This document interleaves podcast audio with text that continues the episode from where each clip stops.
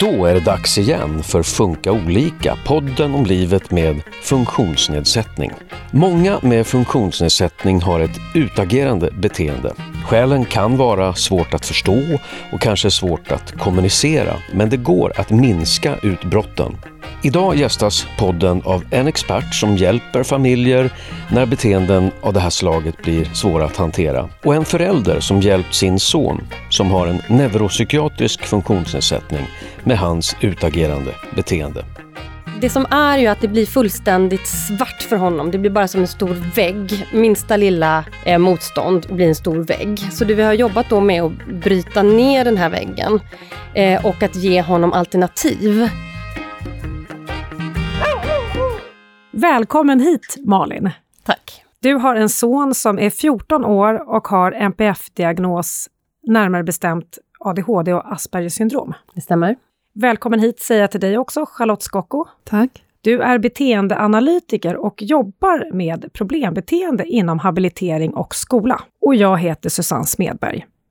Jag tänkte börja med att fråga dig Charlotte, vi ska ju prata om utagerande beteende idag. Vad brukar man mena när man säger det? I de flesta fall så brukar man mena att en person agerar ut så tillvida att man kanske ger sig på andra. Det kan vara slag, det kan vara sparkar. Det kan vara att man eh, kastar saker, alltså förstör eller har sönder liksom, egendom och material. Det är vad man oftast menar. Eh, jag hör ibland ett begrepp som heter trotssyndrom. Är det något som ingår i det här? Ja, det är ju egentligen en egen diagnos ganska vanligt när man har eh, en diagnos inom NPF eller intellektuell funktionsnedsättning är att man har en... Det är vanligt att ha olika typer av utagerande beteende. Och man behöver absolut inte ha någon annan diagnos för att det ska gälla. Och om vi då fokuserar lite på det här utagerande beteendet, vad är det som kan ligga bakom ett sådant beteende? Nästan alltid så är det en eh, annan eh, form av kommunikation. Så vi brukar titta på vad leder oftast de här beteendena till? Och inte sällan så handlar det om att antingen att man uppnår någonting, eller också att man slipper någonting. Så det är en typ av protestbeteende kan man säga? Ja, det kan vara protest. Men det kan också vara för att faktiskt få tillgång till allt ifrån motiverande föremål eller aktiviteter, eller uppmärksamhet och kanske hjälp ifrån omgivningen. Det finns ibland en föreställning om att det kan eh, se olika ut, hur det här beteendet tar sig uttryck när det gäller pojkar och flickor. Stämmer det? Min erfarenhet är inte att det är några större könsskillnader alls, utan jag har sett alla beteenden hos båda könen. Och när skulle du säga att det här beteendet blir ett problem, så att man bör söka hjälp för det? Det är en jätteviktig fråga. Och det är också den första frågan vi försöker utreda när vi får kännedom om att det förekommer. Och det gäller att titta på om det är problem för individen själv, eller om det blir problem för omgivningen, eller både och. Det är inte alls givet att ett utagerande beteende eller ett problematiskt beteende sker i affekt från individen. Det kan handla om eh, eh ganska neutrala känslor, men det är ett sätt man har lärt sig bara att kommunicera med sin omgivning. Så man ska inte förutsätta att det alltid är ilskeutbrott när det blir ett utbrott. Men ibland kan omgivningen uppleva att det är problematiskt och sen när man tittar närmare så kan man faktiskt ändå se att det ställer inte till med så stora problem. Det kanske ser konstigt ut, det kanske låter konstigt, men det skapar inga jättestora problem för individen i vardagen. Jag vänder mig till dig nu då Malin. Du är ju här för att prata om din son och lite grann hur ni har eh, jobbat tillsammans med hans utagerande beteende. Men vill du börja och berätta lite kort om honom? Vem är han? Mm, han är 14 år eh, och Eh, jag brukar beskriva att han har varit väldigt tydlig eh, ända sedan han föddes. Det var en väldigt speciell blick och väldigt speciella krav på oss som föräldrar från, från dag ett. Och han har alltid eh, kommunicerat, för, om man säger för att få som han vill. Eh, idag är han 14 år, han fick sin diagnos när han var 6 år, men vi började arbeta mycket tidigare eh, kring detta, just det här som du pratade om, vem är det problem för? Eh, och började med att läsa Ross Greens böcker om explosiva barn. Och för att ta reda på vad är det som händer i honom och vad är det som händer i mig? Eh, så det har varit väldigt mycket en resa för mig om vem jag är eh, och, vad som triggar mig. Sedan, han vill väldigt gärna att jag är här och berättar. Jag har sagt att det här är till för att hjälpa andra. Och han, när han pratar om det här så säger han att när han blir utagerande eller exploderar eller det blir svårt för honom så handlar det om missförstånd, säger han. Och Det är så fint att han kan sätta de orden på det. Eh, för egentligen är det det vi har jobbat med på olika sätt från ja, från när han var liten med mycket bilder och instruktioner och idag kan vi föra samtal. Sen måste man också komma ihåg att det finns eh, ytterligare utöver det med missförstånd så finns det också det här som blir explosioner när bägaren rinner över på grund av känslighetsintryck. Eh, han beskriver det själv så här att mamma tänkte att det är 10 000 tv-apparater som står på på en gång. Eller eh, om man är i en matsal med många olika rätter så kan han säga jag får ont i huvudet av alla lukterna. För att han kan inte då stänga av och sortera av och då får man ju hjälpa honom i att få mindre sinnesintryck. Man kan inte utsätta honom för massa olika sinnesintryck och så måste man välja då vad som är viktigt. Det här med att sitta och äta med andra barn i matsalen i skolan är en sån sak som eh, vi har valt bort, för då kan han inte ta del av undervisningen. Du sa att eh, ni, han fick sin diagnos när han var sex, men redan innan det så hade ni börjat jobba lite med eh, de här sakerna. Eh, vad var det som fick er att eh, göra det? Nej men alltså det vi försökte funkade inte. alltså det är det enkla. Vi, att göra samma sak igen och igen och igen eh, funkar inte.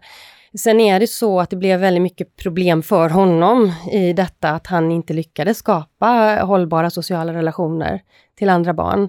Han blev inte bjuden på några barnkalas, för man vill inte bjuda ett barn som kanske gör sönder en saker eller slår en och så. Eh, och det var också det första målet vi hade när han började i förskoleklass. Så hade vi det som mål att han skulle bli bjuden på barnkalas och han blev bjuden på tre. Då hade vi en lärare som vi jobbade med strategiskt, att det var målet och att uppmuntra då de positiva beteendena i sociala relationer. Du nämnde det, just att han eh, gjorde sönder saker och så. Jag tänkte bara, hur, hur blir han när han blir utåtagerande? Det som är ju att det blir fullständigt svart för honom. Det blir bara som en stor vägg. Minsta lilla eh, motstånd blir en stor vägg. Så det vi har jobbat då med att bryta ner den här väggen eh, och att ge honom alternativ.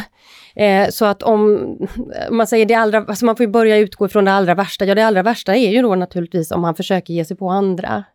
Eh, och sedan eh, i steg om han slår sönder andra saker och så vidare. Så vi har lärt honom, så det, när du säger eh, hur blir han, så är det ju, idag kommer vi inte dit. Vi, vi, vi hamnar inte där. Eh, utan han har fått de här olika stegen. Så om man säger det allra, och då, vi har lärt honom det, att det värsta, man, man, det värsta är att göra sönder någon annan, för det kan man inte alltid laga. Eh, och sen kommer då att göra sönder sig själv, sen att göra sönder andra saker, för det kan man inte heller alltid laga, för det kan gå sönder i hjärtat om man gör sönder någonting som någon tycker om. Eh, och sedan att göra sönder sina egna saker, för det kan bli väldigt tokigt. Och där efter det så kommer Eh, lite olika. Nu är han så stor så då kommer gå iväg. Det är, en, det är en strategi han använder. Han Alltså, jag går iväg, jag går runt hörnet, följ inte efter mig, jag kommer tillbaka. Så, och sen nu är han så pass att han kan sätta till och med, faktiskt har vi jobbat också med känslo, med, med hjälp av habiliteringen, eh, med känslotermometer. Att sätta grader och olika känslor så han kan uttrycka olika känslor. Ska vi prata lite mer om vad man kan göra, men du var inne på det lite grann eh, med eh, att ni hade som mål att han skulle bli bjuden på kalas, det här att man kan bli lite utanför. Jag tänkte fråga dig Charlotte också, hur påverkas personen själv av att ha ett sånt här beteende? Vad kan det leda till? Det kan leda till eh, det du är lite inne på, att man blir socialt isolerad, att man inte får tillgång till eh, de eh, sociala rum som andra barn, eller vi pratar ju både om barn och vuxna här, alltså andra individer har tillgång till. Och det kan leda till att omgivningen beter sig på ett sätt som gör att man inte får tillgång till eh, samma möjligheter att lära sig saker, att utveckla sina färdigheter och utveckla sina kommunikativa färdigheter, som ofta är den strategin man vill använda för att hitta liksom andra mer adekvata sätt att eh, uppnå det som man antingen vill slippa då, eller eh, få tillgång till. Det, det kan lätt bli att man begränsar miljön och omgivningen för den här personen. Jag tänker som närstående eh, så blir man ju också påverkad av det här beteendet. Hur kan det se ut för en familj som lever tillsammans med någon person som har det här beteendet? precis som du beskriver, så är det självklart att man som förälder påverkas jättemycket.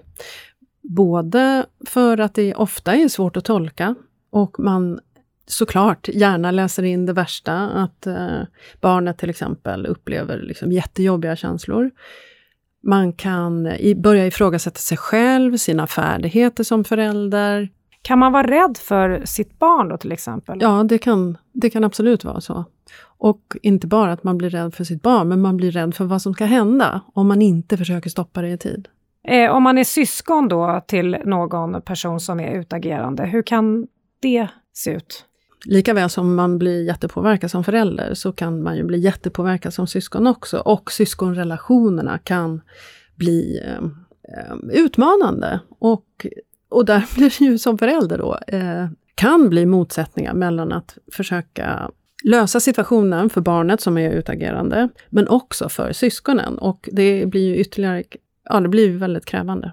Malin, din son har ju en eh, bror. Eh, hur ser det ut hemma hos er? Det har ju varit väldigt eh, spänt. Eh, och eh, alltså innan vi har utvecklat de här strategierna eh, kring den yngste sonens utbrott, är det ju framförallt som har varit hans utagerande beteende.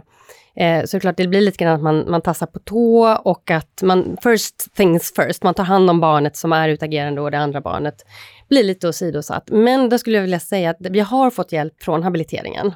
Eh, både att eh, han har fått gå i syskongrupp som var väldigt stärkande och nu får vi faktiskt hjälp med, med syskonens relation där de får sitta och försöka hitta fram till varandra. Och jag önskar att man la mycket, mycket mer tid på syskonen och på syskonrelationen. För det finns också ett sånt stöd där i att lära sig att utveckla hur man kan kommunicera. Men det har naturligtvis varit väldigt, väldigt mycket att barnet som inte är lika utagerande får stå tillbaka. Och det har varit sådana situationer när vi tycker så här, nu går det ju jätte, jättebra. Så då har helt plötsligt äldste sonen kommit och dängt till, liksom på något sätt flera års uppdämt att stå tillbaka. Så syskonrelationen tycker jag är jätteviktigt att man jobbar med. Jag tänker för din egen del då, hur påverkas du av det här? Eh, jag är ju alltid på spänn. Eh, alltid eh, och det här, jag känner mig ju naturligtvis som världens sämsta mamma, som du beskriver, så jag räcker ju aldrig till. Min värsta det är när jag kommer hem från jobbet och så kommer barnen hem ungefär samtidigt och så kommer jag med alla mina väskor och kanske har handlat någonting. Och de kommer hem och så kommer den ena springandes, hej mamma får jag gå lov att? Och så kommer då den andra springandes och säger, hej får jag köpa? Och då, då ehm, så säger jag så här, vänta lite, jag klarar, jag, jag kan inte göra två saker samtidigt, säger jag, varpå han frågar mig, men tre då mamma? Och det är liksom lite så typiskt, och då får jag förklara, nej, jag, jag, och förtydliga mig i min kommunikation. Låt mig få göra det här först. Och jag har också börjat säga till båda barnen, vill ni ha ett snabbt svar blir det nej. Och att här, för här är min begränsning, jag behöver tid att tänka. Och det är väldigt mycket så det påverkar mig, att jag kan inte vara särskilt spontan. Jag måste tänka igenom precis allting. Eh, påverkar det liksom andra i din närhet eh, att det ser ut så här? Alltså ta hem folk, gå hem till andra. Mm, det påverkar jättemycket.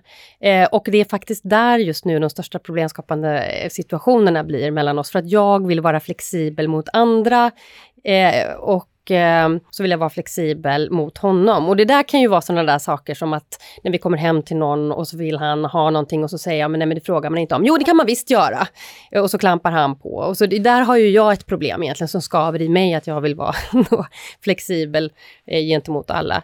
Men ja, det påverkar jättemycket. Dels eh, då eh, den här, vad heter det, intryckskänsligheten. Eh, om det är många, hur många människor är det? Eh, behöver han veta. Och är det för många, jag kan inte.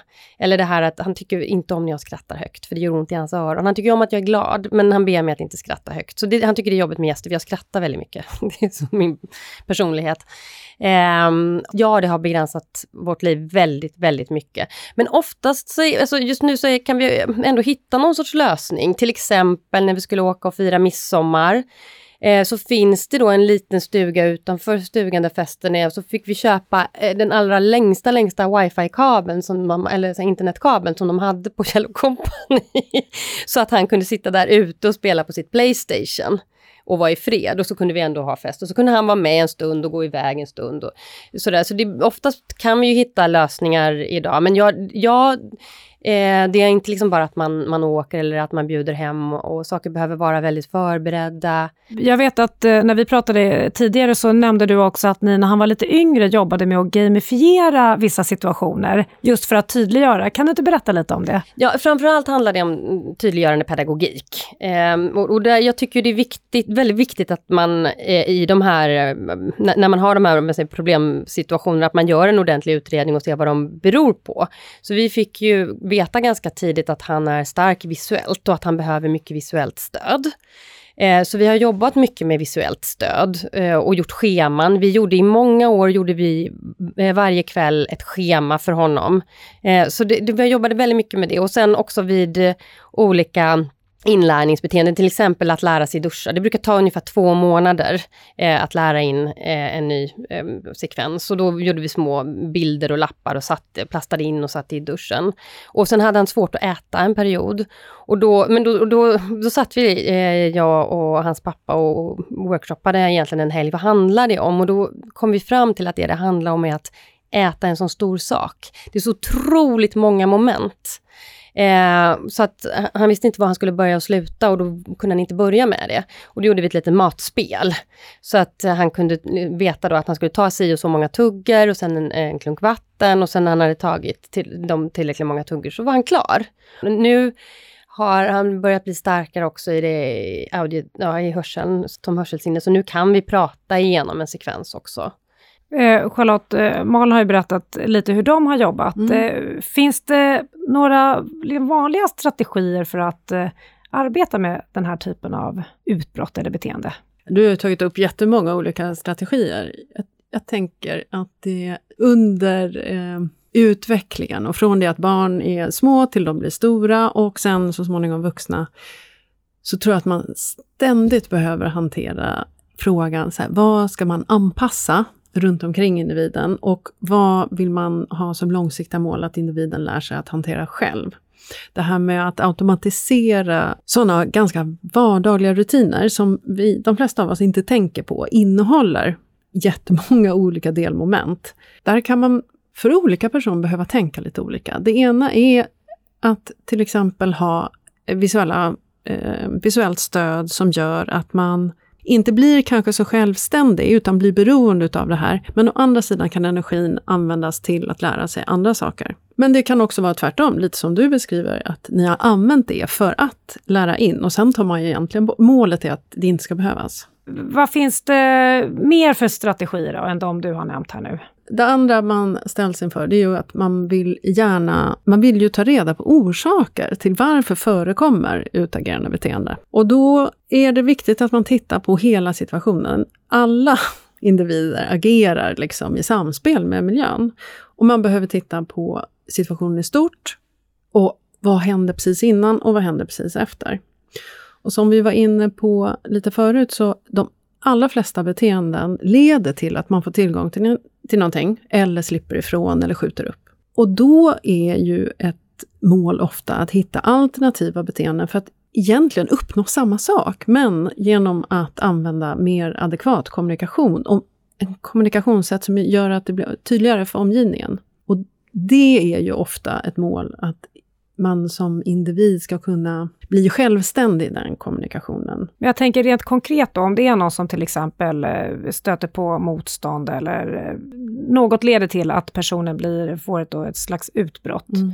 Hur gör jag då till exempel att nu ska vi lära oss att sluta till exempel slå på någon eller förstöra något. Hur gör man det rent konkret? Ofta så behöver man ju då eh, förbereda det noga och välja situationer som inte absolut inte skarpa lägen. Så det är ingen bra förutsättning för inlärning. Och sen får man ta det i små steg. Det handlar om att veta vad är risksituationer och vad är inte risksituationer. Ibland behöver man rigga en situation som på något sätt liknar så som det skulle kunna bli i en skarp situation.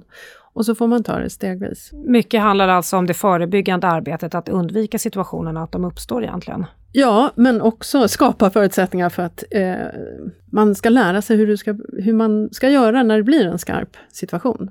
Så att undvika dem leder oftast inte till att eh, man får träna på det. Men man kan träna på det i en lugn och trygg miljö, som är pedagogiskt tydlig. En annan sak, det är betydelsen av strategier för att öka motivation. Och naturligtvis pratar jag då om individen i första hand. Att vara motiverad, orka träna in alternativa beteenden, ha alternativa strategier och vara motiverad till att omgivningen ställer den typen av krav. Vilka kan eh, behöva involveras i den här typen av träning då? Jag tänker hemmet naturligtvis, kanske också skola? Ja, ja allt från förskola, skola, korttidsboende, eh, fritidsverksamhet, och så småningom när, när vi pratar om vuxna personer, så boenden förstås. Vad krävs då för att lyckas med detta? Jag skulle säga en nyckel i det är ju ett samarbete mellan de miljöer där individen vistas. Att man eh, är många som jobbar på samma sätt, ganska konsekvent och hela tiden kan stämma av med varandra hur man ska anpassa. Hur har det sett ut för er när det gäller samarbete med skolan? Det har varit lite olika. Eh, förskolan var ganska mycket katastrof. Mm, men det var ju precis där då eh, han fick sin diagnos och även läkaren sa det släpp det för han ska snart därifrån. Så vi började jobba med en skola där han skulle börja ett halvår innan. Eh, och vi hade möten då med hans sen, förskoleklasspedagog och satte upp de här målen att han skulle vara på ett kalas. Och sen jobbade vi väldigt aktivt med skolan och han har ju alltid haft en stödperson eh, och har det fortfarande. Eh, så. Sedan så fungerade inte den miljön, alltså skolan vägrade om man säger så att anpassa sig fullt ut. Men då, så då bytte han till en, en eh, skola som arbetar speciellt eh, med barn med utmaningar, eh, där han går idag. Vi har, ja, vi har ett jättenära samarbete och det är väldigt viktigt att det är konsekvent. Sen är det hela tiden en kamp, även i den här skolan, för det handlar om pengar. Det kostar tid och personal.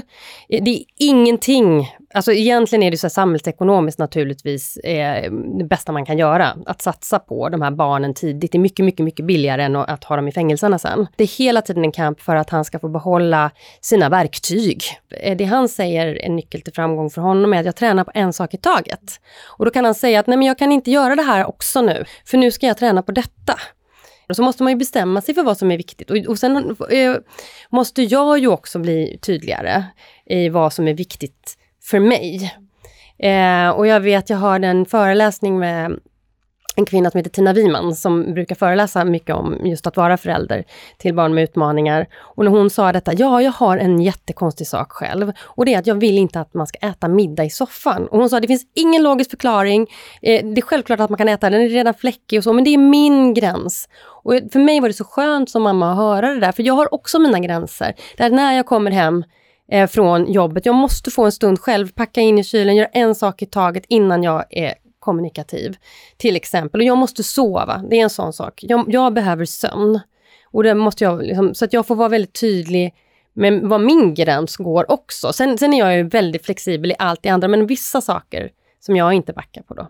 Men det låter på dig som att din son själv är ganska medveten om det här och att han eh, kan sätta sina gränser för hur mycket han kan jobba med det. Har det blivit en stor förändring på honom, eh, för honom eh, från att han var liten till nu när han har blivit äldre?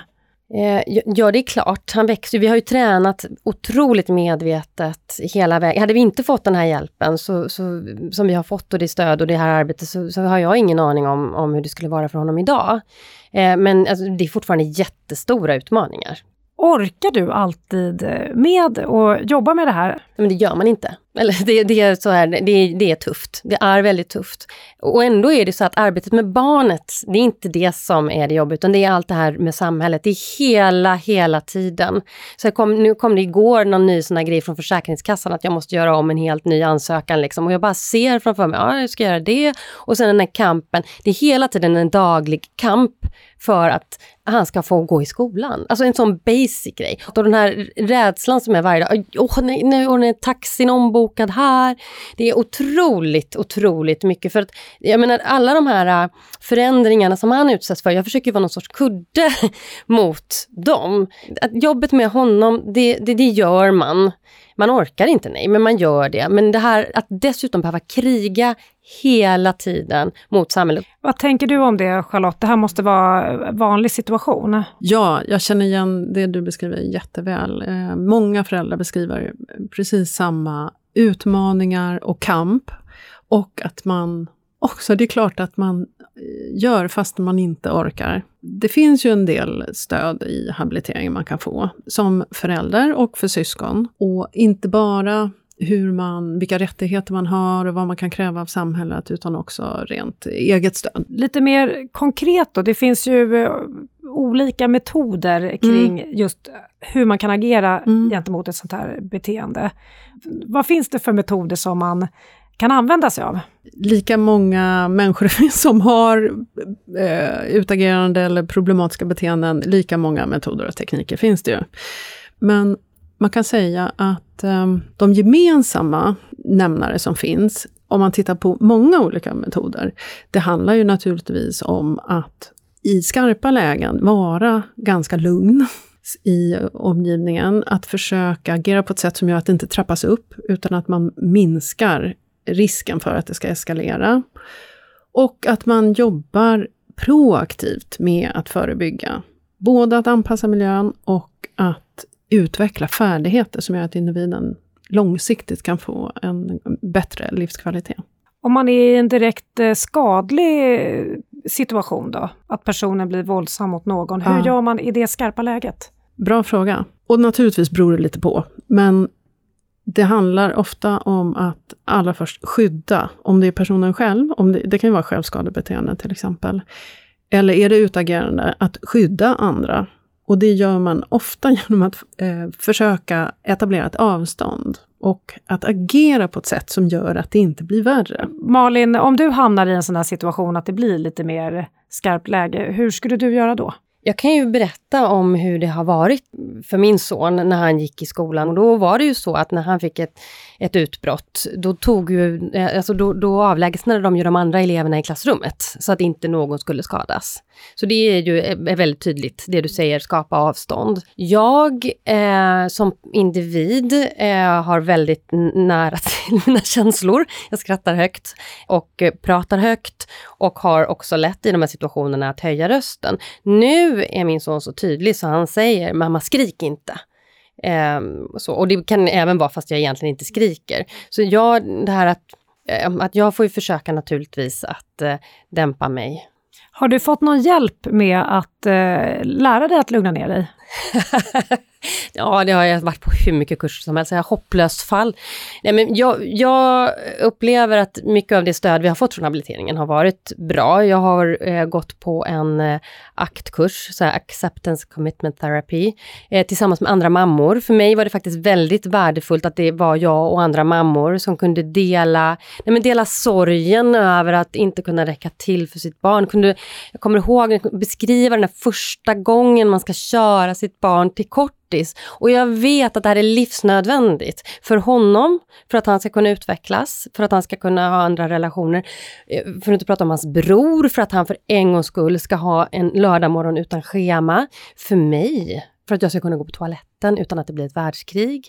Och jag vet att det här är men, men så smärtsamt, den här känslan, att, känslan är ju jättemycket dåligt självförtroende och jag klarar inte av mitt eget barn. Jag, jag, jag behöver en paus från den jag älskar mest. Alltså väldigt mycket så. Att få dela det med andra är oerhört, oerhört värdefullt. Mm.